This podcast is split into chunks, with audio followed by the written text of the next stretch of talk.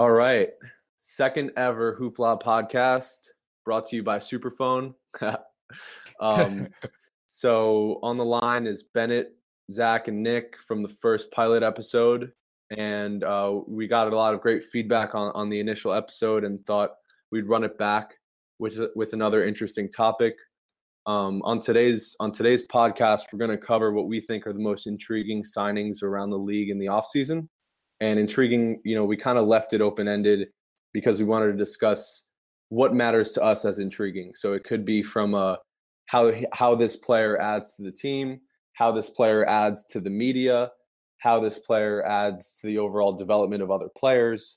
So uh, we hope you enjoy and we hope you take um, you know take it for what it's worth but um, we're gonna we're gonna try to keep it pretty flexible. So um, bennett why don't you why don't you jump in all right, cool. Um, so yeah, as Nick was saying, we kind of just left uh, intriguing as open as possible. Um, I thought the most intriguing uh, signing from this summer was Paul Millsap.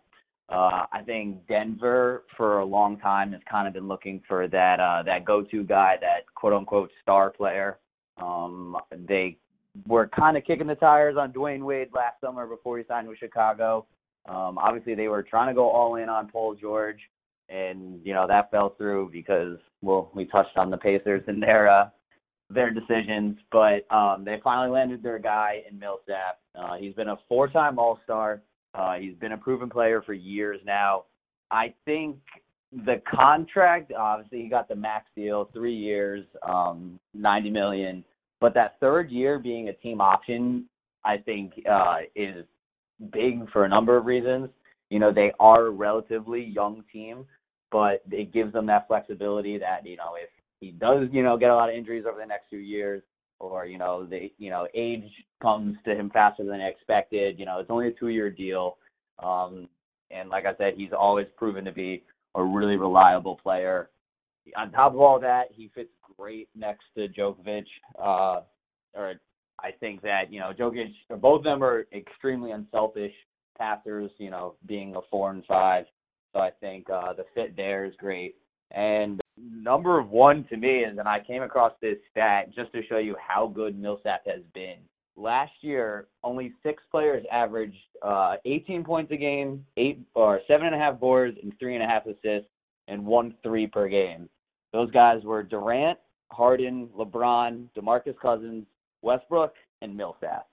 So he's clearly in good company um, with that stat right there. Denver was the ninth seed in the West, so they're they're right on the the cusp of that playoff spot. Um, and I think Millsap absolutely puts them over the edge.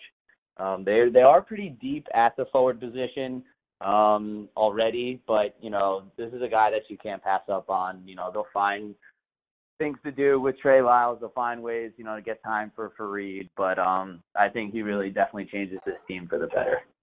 Yeah, I think I think I think it was an incredible signing. Um, you know, and he was one of the players that really didn't suffer from the depressed market after last year's kind of cap Mageddon. Uh, uh, and I I really like him and Jokic. Like you said, they're both passing bigs, and I think that they're point guards and shooting guards because they don't really. I don't think they have a true point guard. You know, Jameer Nelson. Eh.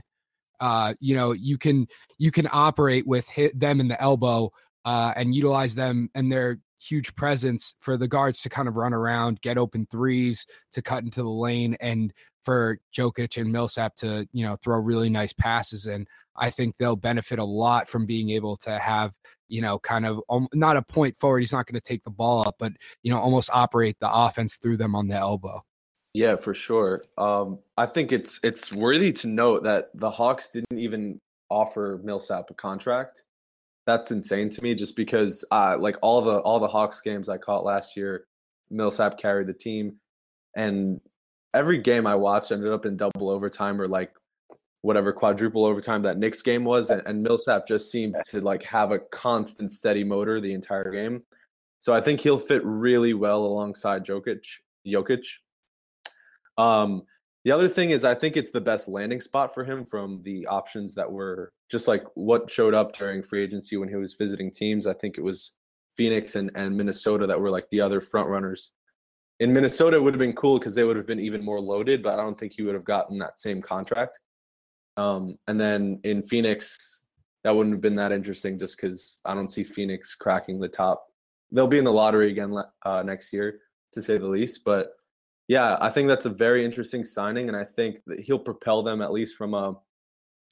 We have a passing big man now, and now we have a scoring big man, and and like kind of fills the void that Faried has left because, you know, like you said, they're they're clogged at the front court right now. I don't see Faried, I don't see Faried there at the end of the season.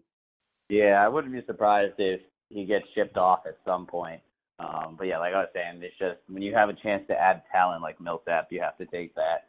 And I think yeah, they were they came in ninth last year in the West. I you know I could definitely see them you know jumping up a few spots. Um, sixth might be you know pushing it with how stacked the West is, but uh, I don't think you know Portland has done much to get better. Um, you know, and the rest of the the West is young and kind of inexperienced. You know, and the other team that I can only think of that might be fighting for that last spot would be the Pelicans, and um, they're kind of a, a giant question mark with how Cousins and uh, Davis work out. So I think overall, Denver really killed it with this. I think I think you know Jokic and Horford are going to be uh, Jokic and Millsap are going to be like Horford and Millsap, and the fact that they're both like they do whatever the team needs, and I think that right. having those deferential stars, the ability to to give those amazing passes are just, are just going to elevate them to another level. Millsap is a, the consummate pro. You just you hear constant good things about him he he makes the locker room a better place. He's going to come in and mentor the young guys. And yeah, I think Faried gets shipped off, but obviously a tenacious rebounder and a pretty good defender uh, could be a benefit to a lot of different teams. And I think that they might be able to accrue more assets. I think they're definitely going to make the playoffs. Again, like you said, I don't think it's going to rise above you know the sixth seed, but I think that Portland was cap strapped. They had to cut Allen Crabbe basically, ship him off to Brooklyn for nothing and you know they really they couldn't capitalize on any of the, of the free agents. I think they were trying to move money to get Melo, but I don't know if he'd accept that trade. I don't I don't really understand why they'd you know I, I don't know if he'd fit in their offense, but you know I, I think they're the, a lot of the lower teams in the West are trying, but the top is going to dominate. But the D- Nuggets made one of the biggest, best moves besides the Timberwolves. Is he an All Star next year?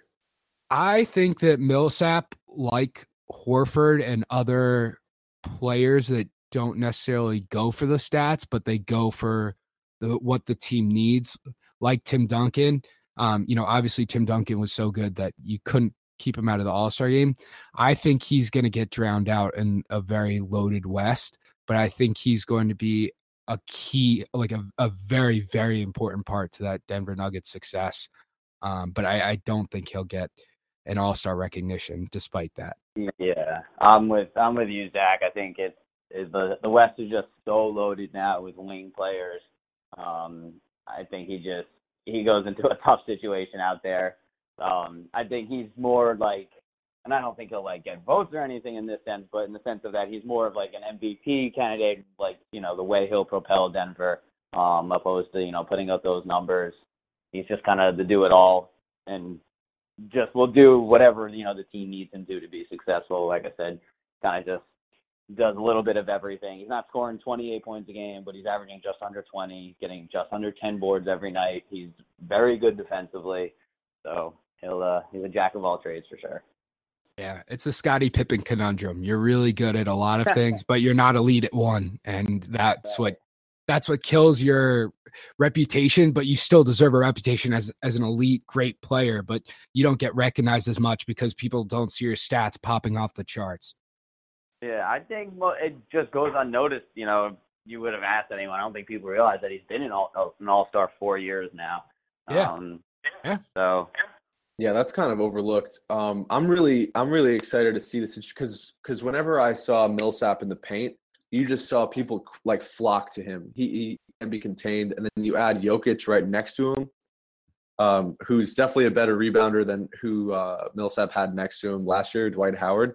And so having having players like clog the paint to try to box them out just leaves leaves the three point line wide open for shooters, and Denver's got plenty of that. So definitely going to be an interesting team to watch next year. Yeah. I, I really like their moves. I, I think they they made a great one. So for my player, I chose George Hill's contract with the Kings. And the Kings, honestly, I, I don't know how they got him and Zach Randolph, but I think that George Hill is a more intriguing signing to me because of the ramifications that he can have on De'Aaron Fox's uh, mentorship. And you know, he came into the league not a gr- not a not a really great three point shooter. He really he wasn't that good. You know, he shot 33%, but the past 2 years he shot above 40% and he's almost made the, you know, 103 pointers, which is not a ton, but it still provides that spacing and De'Aaron Fox needs to develop his shot. So why not learn from someone who had to develop his shot over, you know, a prolonged period of time? Uh, he's a defensive, awesome defensive point guard who De'Aaron Fox would benefit from watching and learning from. Um, and you know, while he doesn't have the speed of Fo- Fox, no one does besides Wall.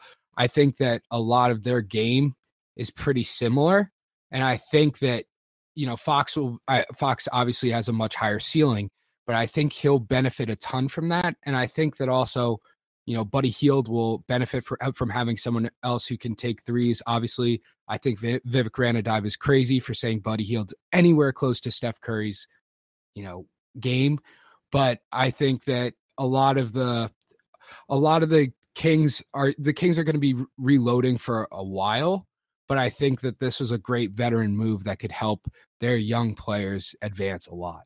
First off i love how you started with the contract of george hill because it'd be a completely different story if he actually had gotten the money that he wanted and the length of the contract that he wanted. Right. My thing is i just don't understand what the kings are doing. You know they they had a really good draft, and I would say they had one of the best off seasons. But you know, part of grading their off season is did it fall in line with their plan, and you know, de facto, do they have a plan to begin with? Because um, I saw them, I was like, okay, nice. They're getting assets. They've got re- really good young players. Their backcourt looks awesome.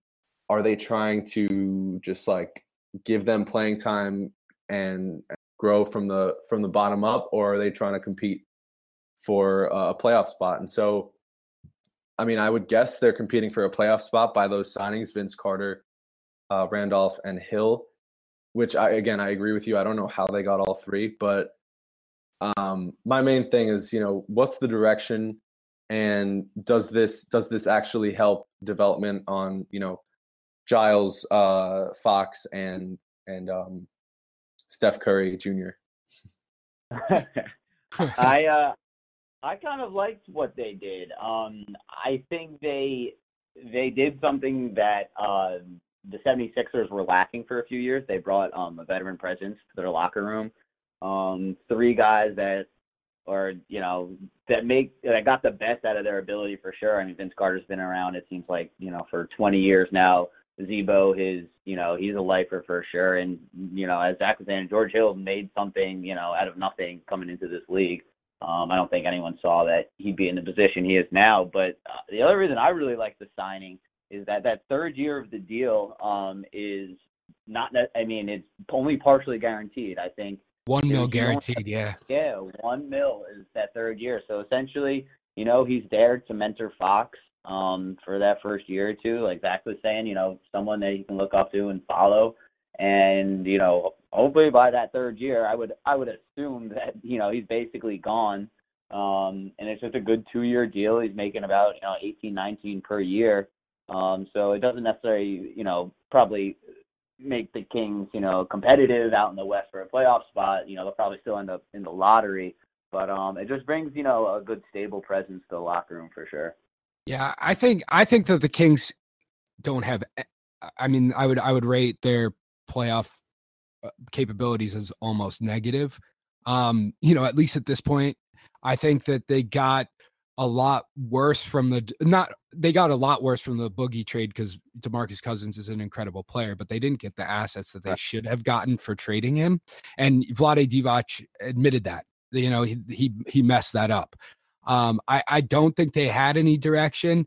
And I think that bringing in players like Vince Carter, like George Hill, like Zach Randolph, who have you know made a space in this league.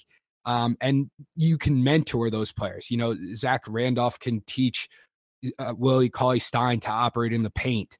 Vince Carter can, you know, help Giles come along. You know, they, they have similar archetypes throughout that roster that they can mentor.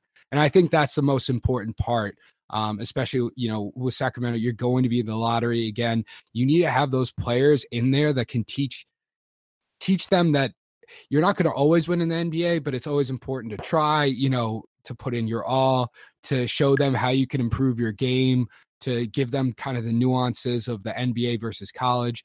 I think that having that veteran presence, you know, Flip Saunders bringing back Kevin Garnett to the to the Timberwolves, even though Kevin Garnett was on his last legs. I think that having that mentorship is extremely important, and I think that the Sixers, you know, are finally are finally able to lure free agents in, and I think that that that's a big part of it. But I, I don't understand how the Kings got it, but they got it, and that's awesome because they they definitely need that to move forward.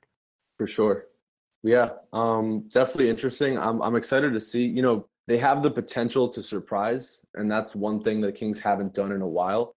And so, um, we we all kind of are in the same agreement that we'll see them in the lottery next year. But um, with a little dazzle and and a little uh, and a little veteran mentorship, as you mentioned, I wouldn't be totally surprised if they.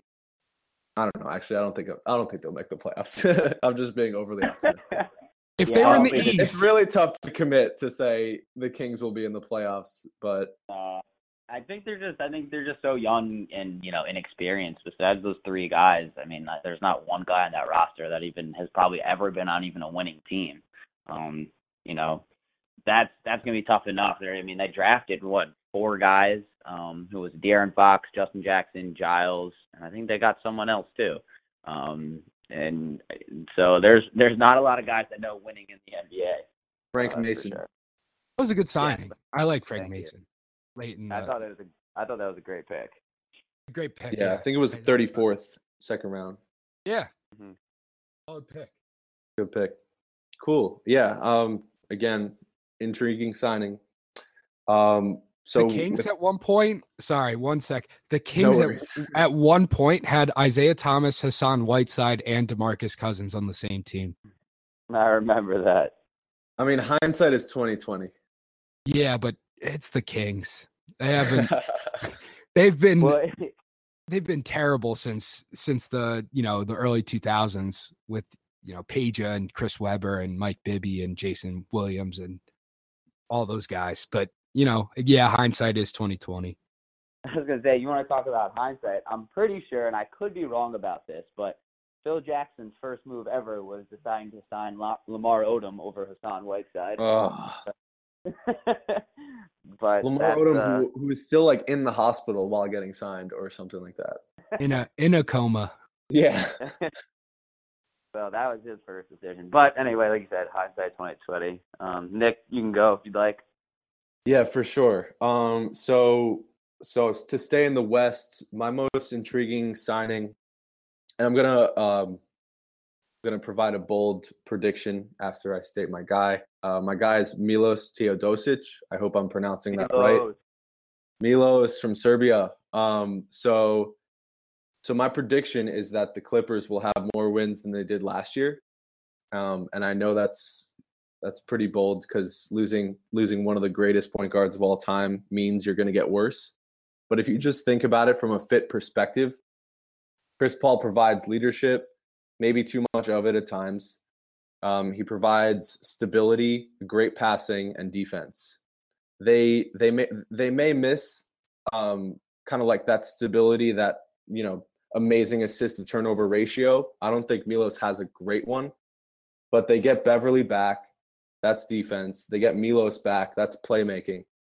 And playmaking, as we've as as is the theme, it's at a premium in this league. To not only get someone with that caliber of like a, a passing skill set, but he's been around the block. He's played in big games. Um, he, he's he's in his prime. He's 30 years old. I, I really I really wouldn't be shocked if I saw them in the same spot, if not better, and maybe making more of a splash in the playoffs next year because you've got a healthy Blake, You've got DeAndre. You've got Milos just tossing lobs as as as was happening. So so protocol will be sort of the same on offense. And then you add a add a complement to that, you know, like that offensive show and go with Beverly just playing lockdown D. And they've already talked about playing them alongside each other. So to me, Milos really uh like it was a great get. It was a two year, 12 mil deal for for a guy who could be playing better than guys on max contracts, maybe better than George Hill um, next year. Wouldn't be surprised at that either. So so my, my guy is Milos. Um, I thought it was a great deal. Um, as soon as they said that he was coming over, um, I just remember the first thing I saw on him was all the all the uh, international and Olympic games that he's had against us, um, and how well he's played against NBA competition every single time. Um, he's not, you know, he's not one of those guys that comes over when he's like 37, 38, like Prigioni. He's he's 29 years old. Um, I remember looking up. He averaged, you know, almost 10 assists, or yeah, I think he averaged like eight assists a game. Um, in wherever you know the international league, Euro league he was playing in. Um, so he's clearly talented. Um, do I think? I think it's definitely a bold statement that you think the Clippers might be better. Um, obviously, banking on the fact that Blake is healthy and all those guys stay healthy, it will be uh, it will be tough to see. Um, but overall, I think it was a great signing. You know, you lose a, a true point guard like Chris Paul. Um, you know, they did the best they could in getting you know a true point guard back, which is kind of a um, a lost art in the NBA these days. There are not many uh, point guards out there that have that pass first mentality.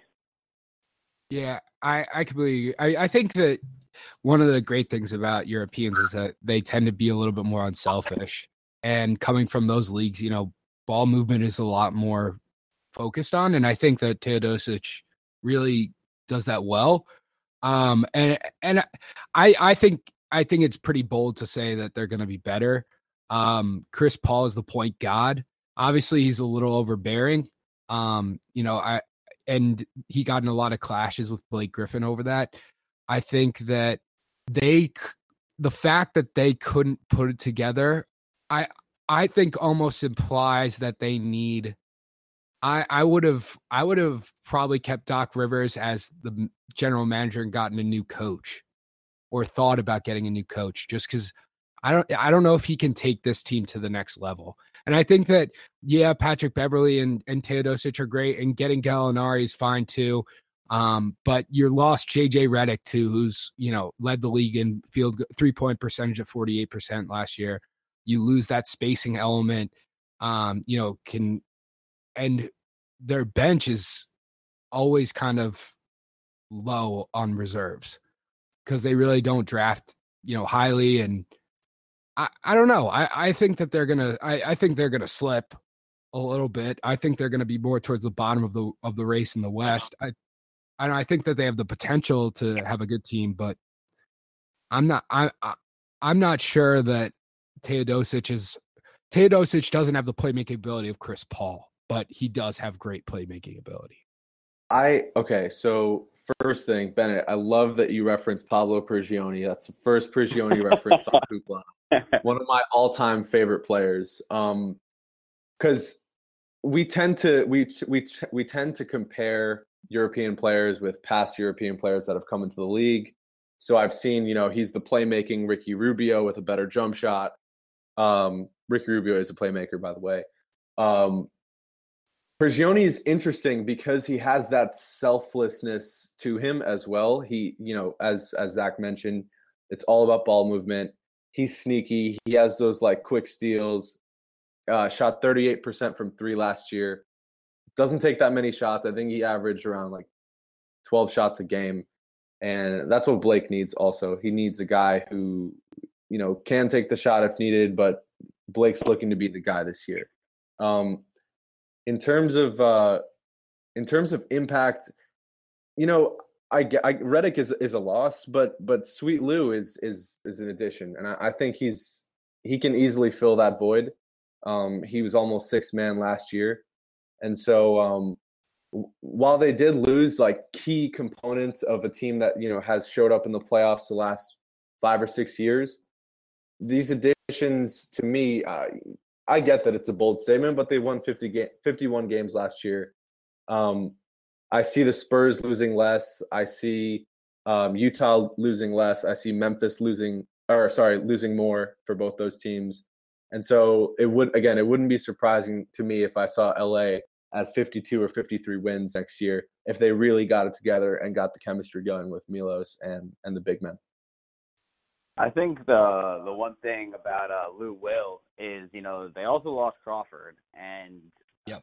I think JJ Crawford was terrible last year, though. Just just to note, he, he was, but they still lost you know another combo guard, so you know that they are replacing him, but I can't put Lou Will and and JJ Redick in the same category. You know, Redick was, you know, he's every you know the last few years he's been a top three catch and shoot guy in the NBA.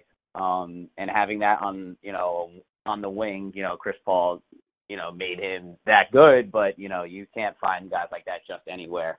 Um, they are at a premium, so I don't know if Lou Will gives them, you know, that much. Um, but I, I mean, I guess we'll see. I can't imagine they get more than you know about, you know, well as you know, thinking everyone stays healthy, I can't imagine they get more than about 47, 48 wins. Yeah, I have them. I have them like maxing out at 47 or 48. And I think that just having Lou Williams is a great player, don't get me wrong, and he's a great bench player, but he's not he's not a three-point threat where you know, he, he's he's a good three-point shooter, but Redick is a dead eye. And you know, hitting at almost 50% at volume is incredible, you know, and um that value can't be it, it, it is is a is so much more valuable in today's NBA where they actually value three pointers. I think that um, you know Beverly and and Teodosic as much as I I don't know that they can come in and just fulfill the same playmaking capabilities as Chris Paul. Chris Paul just what his vision on the court is almost unparalleled in today's NBA. And I think the only benefit they have from getting rid of Chris Paul is the tension between him and Blake. Um, but his mid range game, where he had to shoot in the mid range the majority of his shots, um, you know, I, I think that having Teodosic who will probably defer and take either shots at the rim or three point is going to be a better is going to be better. But they they need people to space it out, especially for Blake Griffin and DeAndre Jordan to you know do Lob City. Um, they need to have those spacers around the floor. Um, I think I think we're all in agreement except for the uh, the prediction. Um, some, some some have made some have made the call that with Milos entering the league, he's now the best passer in the in the NBA.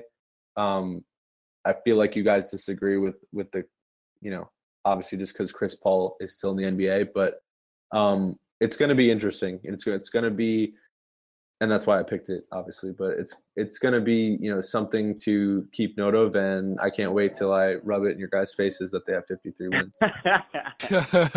okay, One, you know, fair enough. One thing I will say though, and although I kind of think it's technically cheating, is that I, you know I could definitely see him make a run at like rookie of the year. Um, you know, it it will be his first year in the league. I could you know see him averaging um, close to 15 points, getting seven assists a game. Um, and yeah, if Nick's prediction comes true that he, you know, really catapults this team, then you know I could see him making a run at that. But um, yeah, maybe you'll be rubbing guys, on the interface. Time will tell. You, you guys can buy me a, a couple plivos, which is beer in Serbian. no, if anything, you'll be buying Milos beers. For real. True, yeah. that's true. Um, Clippers won't be happy I'll be doing that, but Milos, if you hear this, beers on me if you guys get 52 wins. um, yeah, so um, I'll jump into I'll jump into another intriguing signing. I was I was going back and forth on uh, on this. I was going to go with JJ Redick just because of again we talked about like the dead eye ability from three, and then the the veteran leadership that the the Sixers are going to just eat up.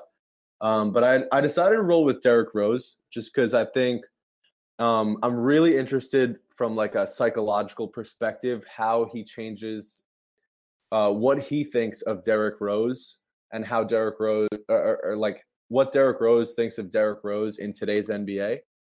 I don't know. I mean, I, I could see him if he if he, if he gets the LeBron dad lecture and is like, "Yo, you have to change your game.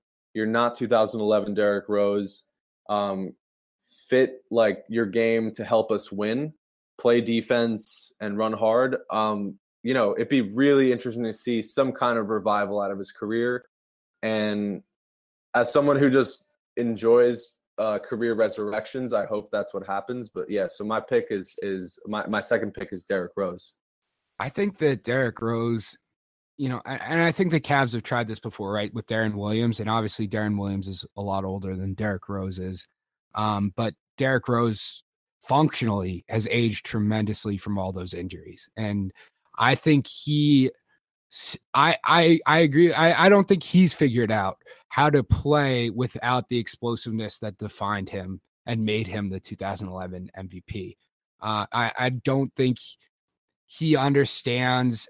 I don't. I, th- I don't think he's adapted his game. You know, and I and I think when you have that explosiveness and it just goes from you, think Allen Iverson, um, it, you lose a lot as a player. I don't. I think it's an interesting signing, sure, because they got him for the minimum. So if he sucks, he sucks, and it's only a one year deal. So it's not really a huge risk. I don't see that there's a ton of reward besides him being marginally better than Darren Rose, uh, Deron Williams, but you know, I I don't I don't see him having a career resurrection from this. I see him carving out a either carving out a good role as like a niche backup point guard or you know, maybe a point guard on a on a worse team, but I I don't see him uh, getting anywhere near 2011 MVP levels ever again. Like nowhere close.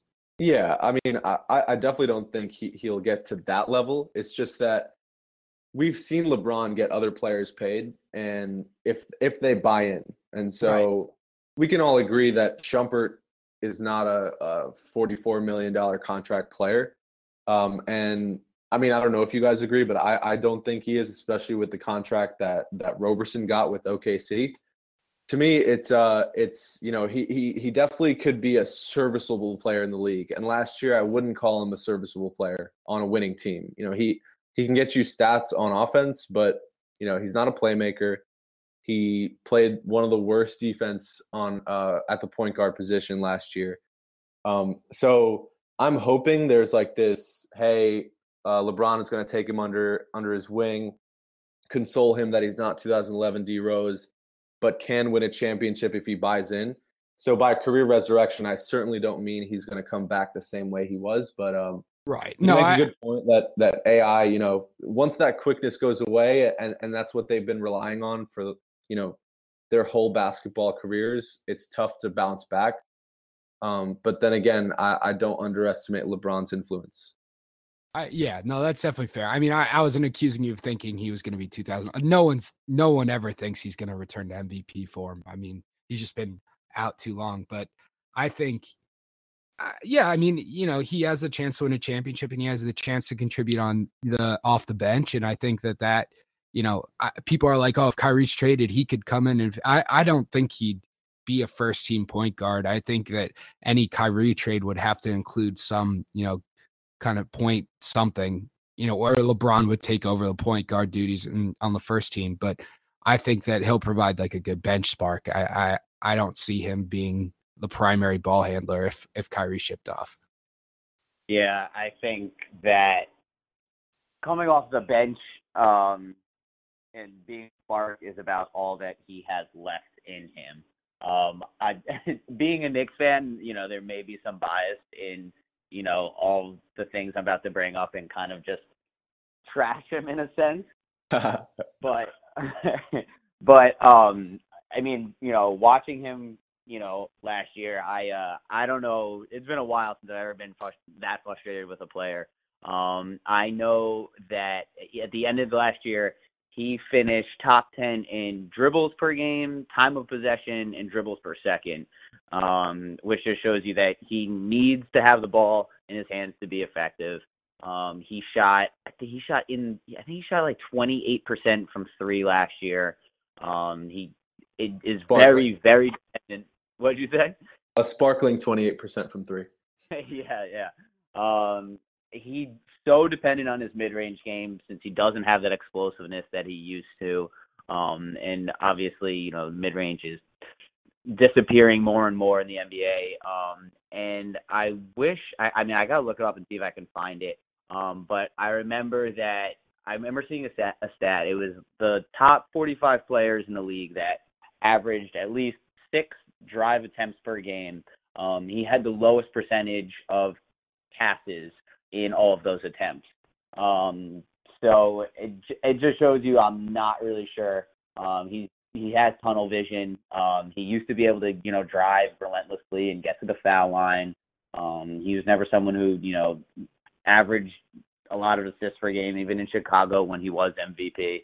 Um, I just, I don't know. It, it's definitely intriguing because I don't know. He's, he's definitely going to need to change his game. Um, it's definitely a low risk, high reward move for Cleveland. Um, I just, you know, I I hope he does well for his sake. You know, I don't have anything against the guy. Um, it's just you know watching him, he was incredibly frustrating to watch as a point guard.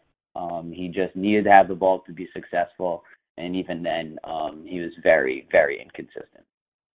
Yeah, I mean, and he used to be really acrobatic and could finish around the rim, and that's just it's gone. He has he has he is like you said a primarily a mid-range shooter who uh, doesn't have handles and can't really pass the ball that well. You know, he's he, he didn't drive and kick. You know, it's not drive, collapse the paint, and then kick it out to someone who's open for a three. He just kind of try and get to the line, and I, I I don't think he gets the respect anymore that you know he doesn't deserve it anymore either. But he doesn't get that respect where they need to collapse it. He could be taken one on one, and then he has to settle for a, a mid range jumper because he dribbled too long and the possessions run out. So you know, I, I think he'll be uh, decent off the bench. I, I I don't have anything against him either. I think he's just been really unlucky, but you know, th- those are the breaks of playing professional basketball. One thing's for sure though, and I'm not sure if my voice just changed, but I realized that I wasn't actually using my mic. I've been using my uh, my uh, Apple earphone mic. oh my! I'm so excited to try this mic out, and I'm finally using it. So um, if it sounds better, it's because of that, or worse, let me know. Um, but on, you know, I agree. Uh, it's a minimum deal, low risk, uh, provides insurance, and he's definitely going to be better than playoffs Deron Williams because we're all better than playoffs Deron Williams. I think he was like 0 for 12. You know, um, that's my pick, but I, I totally get. You know, there's a lot. It's a it's a it's a polarizing pick because it's D Rose, it's 2017 D Rose, but yeah. My so my second pick is Kentavious Caldwell Pope signing with the Lakers. Um, you know, I I think that Pelinka made some really interesting moves, dumping that albatross of Timofey Mozgov's contract. I mean, even with Capapalooza last year, and I'm going to use different cap names to, you know, I, I don't know what to call it because it was a one time bump that, you know, I, I, don't think they can properly estimate how, how it's going to go from here. But, um, you know, Timofey Mozgov even then looked like a absolutely horrendous deal. Uh, and I think you get rid of D'Angelo Russell, who, you know, kind of was not good in that locker room and, you know, I think kind of engendered distrust. So I think those were great deals. I think that getting Lonzo, who is a distributor, like a, he has the upside of, you know, a Jason Kidd um, and you have Kentavious Caldwell Pope, who's a three and D player, and you have Brandon Ingram. You you are starting to get perimeter players who can really play. It's a one year deal, um, so it's not like you're taking a long term risk. You have you still have a lot of cap space next year for any of the major free agents coming. But if Kentavious Caldwell Pope really clicks, and you know they have Julius Randle, and you, you, they, they true they need a, a better they need better centers. But you know they they have a really young core and that backcourt is going to be pretty pretty good. And i think that they might be able to attract free agents. I think Kentavious Caldwell Pope will, will, contribute right away. I think that the lakers are going to marginally improve. They're not going to improve um, you know out of the lottery. They're not going to be anywhere near the playoffs but i liked it because i think that he's a young talent who has you know is on a one year almost prove it deal to get a, a better one And I think he's going to prove to be a good backcourt mate with Lonzo Ball and their length. He might be able to help Lonzo on defense, um, you know, and help him learn the system. Three three reasons why KCP is better than Russell on the Lakers is one, better off the catch and shoot, two, better defender, three, uses Snapchat way less.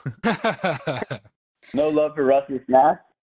I no, I'm not a I'm not a Russ hater. Um obviously just you know the whole the whole Nick Young thing, but I think I think speaking of D'Angelo Russell, I think we're poised to see a jump. I think this is a big wake up call. You're 21 years old. You think you're the face of the Los Angeles Lakers, and you get shipped off by Magic Johnson to the worst team in the NBA. If there's no other wake up call than that, uh, you know, if if he doesn't if he doesn't improve under that kind of shift, kind of like wake you up, hey, work hard every day, which he has been doing as evidenced by his Instagram. You know, I don't know what will what, what will help him propel into that kind of star slash superstar category. I think the KCP signing was, you know, a great one for the Lakers. It still gives them flexibility for next year, like you said. Um, he brings in defense, which isn't something LA has seen in a long time, um, especially at the guard position. Um, he's definitely one of the better ones in the NBA. I what he got what 18 million for the year? Yep. Yep. Yeah. Um, I um when you know before the Knicks signed Hardaway, um, you know there's definitely a part of me that said, you know, depending on what Caldwell Pope's going to get, I kind of wish we gave you know him that money. Obviously, he's not as good or explosive offensively as Hardaway, but he is that much better defensively, and um, you know that's that's something that a lot of teams are lacking. That you know towards the bottom of the league, and uh, bringing in a guy like that who is that good defensively and is already proven um, to a young team sets a good example for those guys around him, like Lonzo. Um, and you know, he's a he's a good catch and shoot player as well. Um, so he definitely helps space the floor. Um, he's not going to guy who's going to demand the ball much to be effective. So yeah, definitely, definitely a good, good, uh, good move by LA. I think they're like, and I, I don't like the Lakers. Obviously, they were really successful for the majority of our, you know, childhood and whatever. And you can we will argue in a later podcast whether that was Kobe or Shaq. But um, you know, I think Kobe. Oh, give me a break. It was much more Shaq. Robert uh, Horry, sorry. Robert Horry. Big shot Rob. Yeah, he was he was the only reason they won those. Um, but you know, I I think that they're finally getting their footing. They being in a, the LA market isn't as important to marketing opportunities anymore. You can be marketable from OKC, as evidenced by you know Kevin Durant's deal when he that he signed when he was in OKC. Um, and I think, but I think LA is a really attractive destination for athletes. I think it's also kind of a trap for athletes because it, it does have a ton of things to do that are, you know, not necessarily in in the sport's best interest.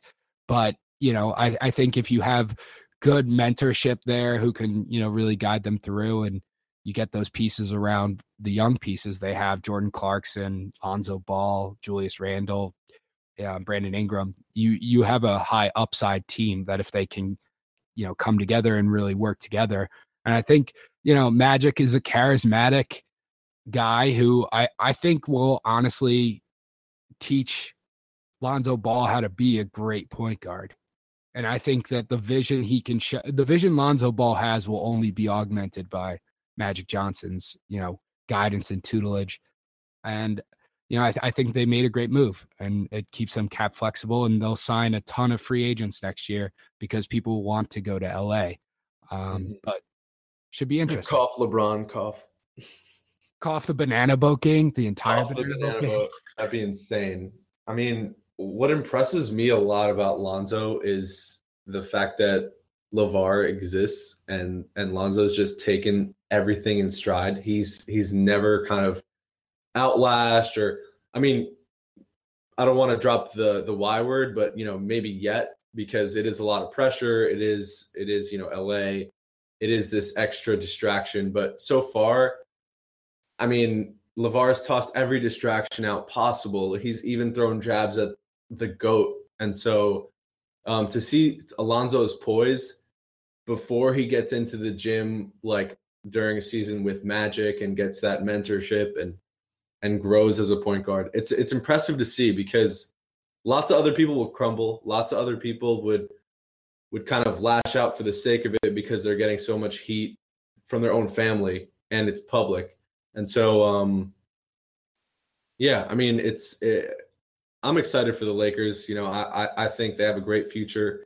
I've seen Randle ball in the Drew League. He looks great he, you know, he could be the second coming of Draymond because he does have that kind of playmaking ability. Um, maybe not as much as Draymond, but if he really puts it together on defense, he is that kind of player.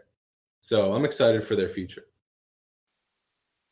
Yeah, I I, I have to give kudos to Lonzo too because his dad is a night PR nightmare, and for him to just you know, I, I think the best thing that he did was not addressing anything LaVar said. Like he's his own man. He can say whatever he wants. You know, he says I'm I'm better than Steph Curry, or you know, he could have said, Yeah, I, I am gonna be better than Steph Curry. Like I agree with my dad. He just let it lie. He didn't agree or disagree. He just he just basically said it, th- he's his own person and he's going to say what he wants to say. I'm just going to show up and and play my game. And I think that that was a really mature thing for a freshman in college to be able to handle. Yeah, I think the other funny thing that um, he kind of pointed out is, you know, th- this is the first time we're all experiencing LaVar Ball. He's been dealing with this his whole life, so I think uh, he knows how to handle it, and you know, it's probably nothing new to him. Maybe it's you know on a different and bigger platform, but you know, clearly he's been like this all his life. So um, if there's anyone who can handle it, it, it seems like Lonzo can. All right. Um, I guess I'll give my last um, intriguing signing. Um, we it's kind of funny. I just you know noticed too. Our uh, our second pick is we all uh, we all pick someone on one year deals. Uh, my last you know contract or deal that I picked was JJ Redick. You mentioned you know you spoke about him before, Nick. Um, I thought you know very similar to the KCP deal. Um, it was an awesome move for Philly. He um, he is an unbelievable shooter. Um, he brings in um, a veteran presence to that locker room, something Philly has never had. Um, he's probably the only guy on that roster, um, along with now Amir Johnson, that's probably been in the playoffs um, the last few years or knows anything about winning in the NBA. Um, just a player, he is number one. I mean, hit over 200 threes last year um, at almost 45%. He, you know, he spaces the floor better than anyone in the NBA. Um, he half his points were off catch and shoot. Uh, another 30% were just on pull-ups. He doesn't need the ball to be effective. Um, and they have so much talent and playmaking ability uh, on that team. Although they're all, although they're all young players, I mean, we all know the sky's the limit for them. Um, Fultz, Simmons, Embiid, all of them are really good passers. Um, and you solidify him in that starting lineup, um, Philly's going to be pretty competitive. Um, mm-hmm. He's, you know, very reliable defensively as well. Um, he's not going to lock down, you know, anyone, but he's more than competent enough um, when he, you know, was in LA. Um, and you know, when you put him on the floor with guys like Saric and Covington too, um, you know, they're going to be one hell of a shooting team. Um, obviously, you know, no one knows what Simmons is going to be, and Fultz will probably struggle a little bit as a rookie. But you know, they have a lot of ability um, to be pretty solid. And the last thing is, I know you said the same thing too, Zach. Is obviously, you know, in a little of a different sense, it leaves them flexibility. You know, for LA was, you know, they go after the free, you know, the big free agents. Um, for Philly though, and you know, the one year deal leaves them, you know, the flexibility to re-sign, you know, all those guys you know, when the time is right. Um, it doesn't lock up anything long term. Um, so they will be able to sign Embiid. They will be able to sign Saric. Co- Covington's a free agent after this year, I believe. Um, so kind of those core guys, um, you know, they don't lock up any money. They give them, you know, the flexibility that they need to have. Um, they're going to compete this year. Um, they'll probably be fighting for one of those last spots. Um, they weren't a great shooting team last year, but obviously Redick kind of changes that landscape. Um, and mm-hmm. you know, he like I said, he need the ball to be dominant um, in that offense.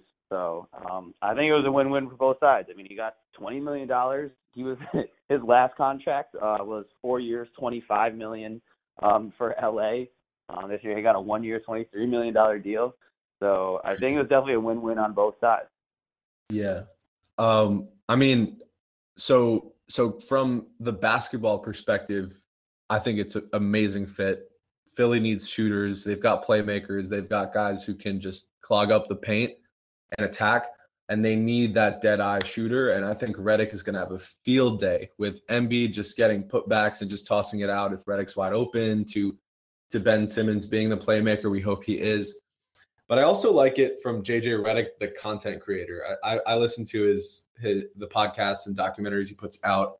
Uh, I like how real he is. You know, they they the media likes to toss you know uncomfortable questions, and they're like, you know, do you see yourself retiring here? And he's like, honestly, I you know, all signs point to hopefully, but I don't know because again, you know, we've got we've got players now on their rookie deals. You know, in a few years, they're all going to command max contracts. I'm only on a one year deal right now, and so I liked how real he is, and um, you know, adding adding that to the whole trust the process culture, I think, you know, we've already seen like this offseason have tremendous buzz around the Sixers and and I think it's going to carry through the season and and I agree with you Bennett. I think I see them as a as a, you know, maybe a 7 or a 6 seed next year.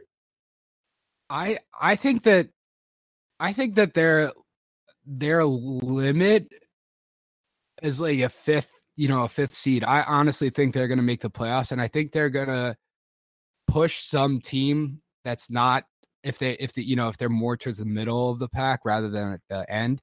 They're going to give someone if healthy. Yeah, that's I mean that's one of their major flaws. Is Embiid is if. incredible, but can he can he stay healthy? Markelle Fultz went down in the summer league.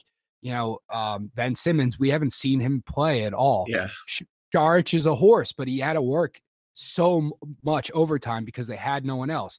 Bayless, they signed him, he went down, you know, and, and their guards, they had no guards. And to go from no guards to having, I mean, they're going to shift Simmons to the one, but you also have Markelle Fultz who, you know, might take over those duties in the second team or, or, you know, we'll see how Brett Brown works it. I think he's smart enough to figure it out.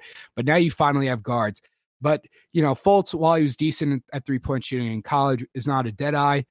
JJ Redick finally provides the spacing that the Sixers need because a lot of their people operate around the rim. A lot of their talent relies on operating around the, the rim. Ben Simmons was never going to be a shooter. He was always going to be a drive guy. He does have vision, but you know he cannot space the floor. And I think that that's you know something they really needed, and I, and I think that you know JJ Redick provides that. But um, I think that they're they're going to make a, a pretty big jump, and as they develop together as a team, it's going to be really interesting to see how that you know what other assets they get, and you know how they're able to put that together. Wh- whether it's the Lakers or the Kings pick next year, whichever one they don't have to trade away to Boston, um, mm-hmm. and to see who they get, it should be they they could develop into something incredible. Yeah, um, I know, and I can't remember how high they were, but I know for a fact that they were a top 10 in three pointers taken last year. Um, and I think in for actually the last two years they have been. Um, you know, I think that's a huge part of their offense, but you know, it, there's a big difference between you know, depending on guys like you know Gerald Henderson or like Ersan Ilyasova, and then JJ Redick and you know whoever else they can get. Um, so it, he's a perfect fit for that offense. Um, it, it's definitely they're going to be another you know them and LA are both going to be you know exciting to watch for sure. Yeah, I, mean, I, think, I, I, forgot to mention Robert Covington is a is it he's a league average three point shooter. He hits the thirty five percent, but he's still you know uh, enough really? threat that you have to close out. Yeah, I thought he was. Yeah, I thought yeah. he was higher. No, he's he's he's pretty much thirty five percent his entire mm-hmm. career. Um, but you know, uh, him and Isaiah Canaan are the only two Philadelphia Sixers to have 153 pointers or more in the same season. But um, yeah, that was that was a couple years ago. I mean, they really have not had a prolific three point shooter on their team that could really, you know, is a dead eye. And I think that those are rare, but JJ Redick is definitely one of them. I see Philly being the like um, out of all the lottery teams, they're the closest to a championship in the East. Yeah, assuming again a big if, but assuming they're healthy. No, I was just saying that's a big if, but if they if they can, they have all the pieces. All the yeah, I mean uh, Bennett hit on it last last podcast. There's really it's like NBA's position list, so you could play Fultz at the quote unquote one in in standard sense of the word, and then have just Simmons take the ball out, even though he's a quote unquote three. But um, you know, Fultz, Redick, Simmons, Saric, and Embiid is is crazy. So um, guys, I unfortunately got a jump, but it's been a it's been a uh, eventful second episode. Of course. Can't Definitely. wait to do the next one. All right, guys, trust the process. All right, boys. Till next time. Till Till next time. time.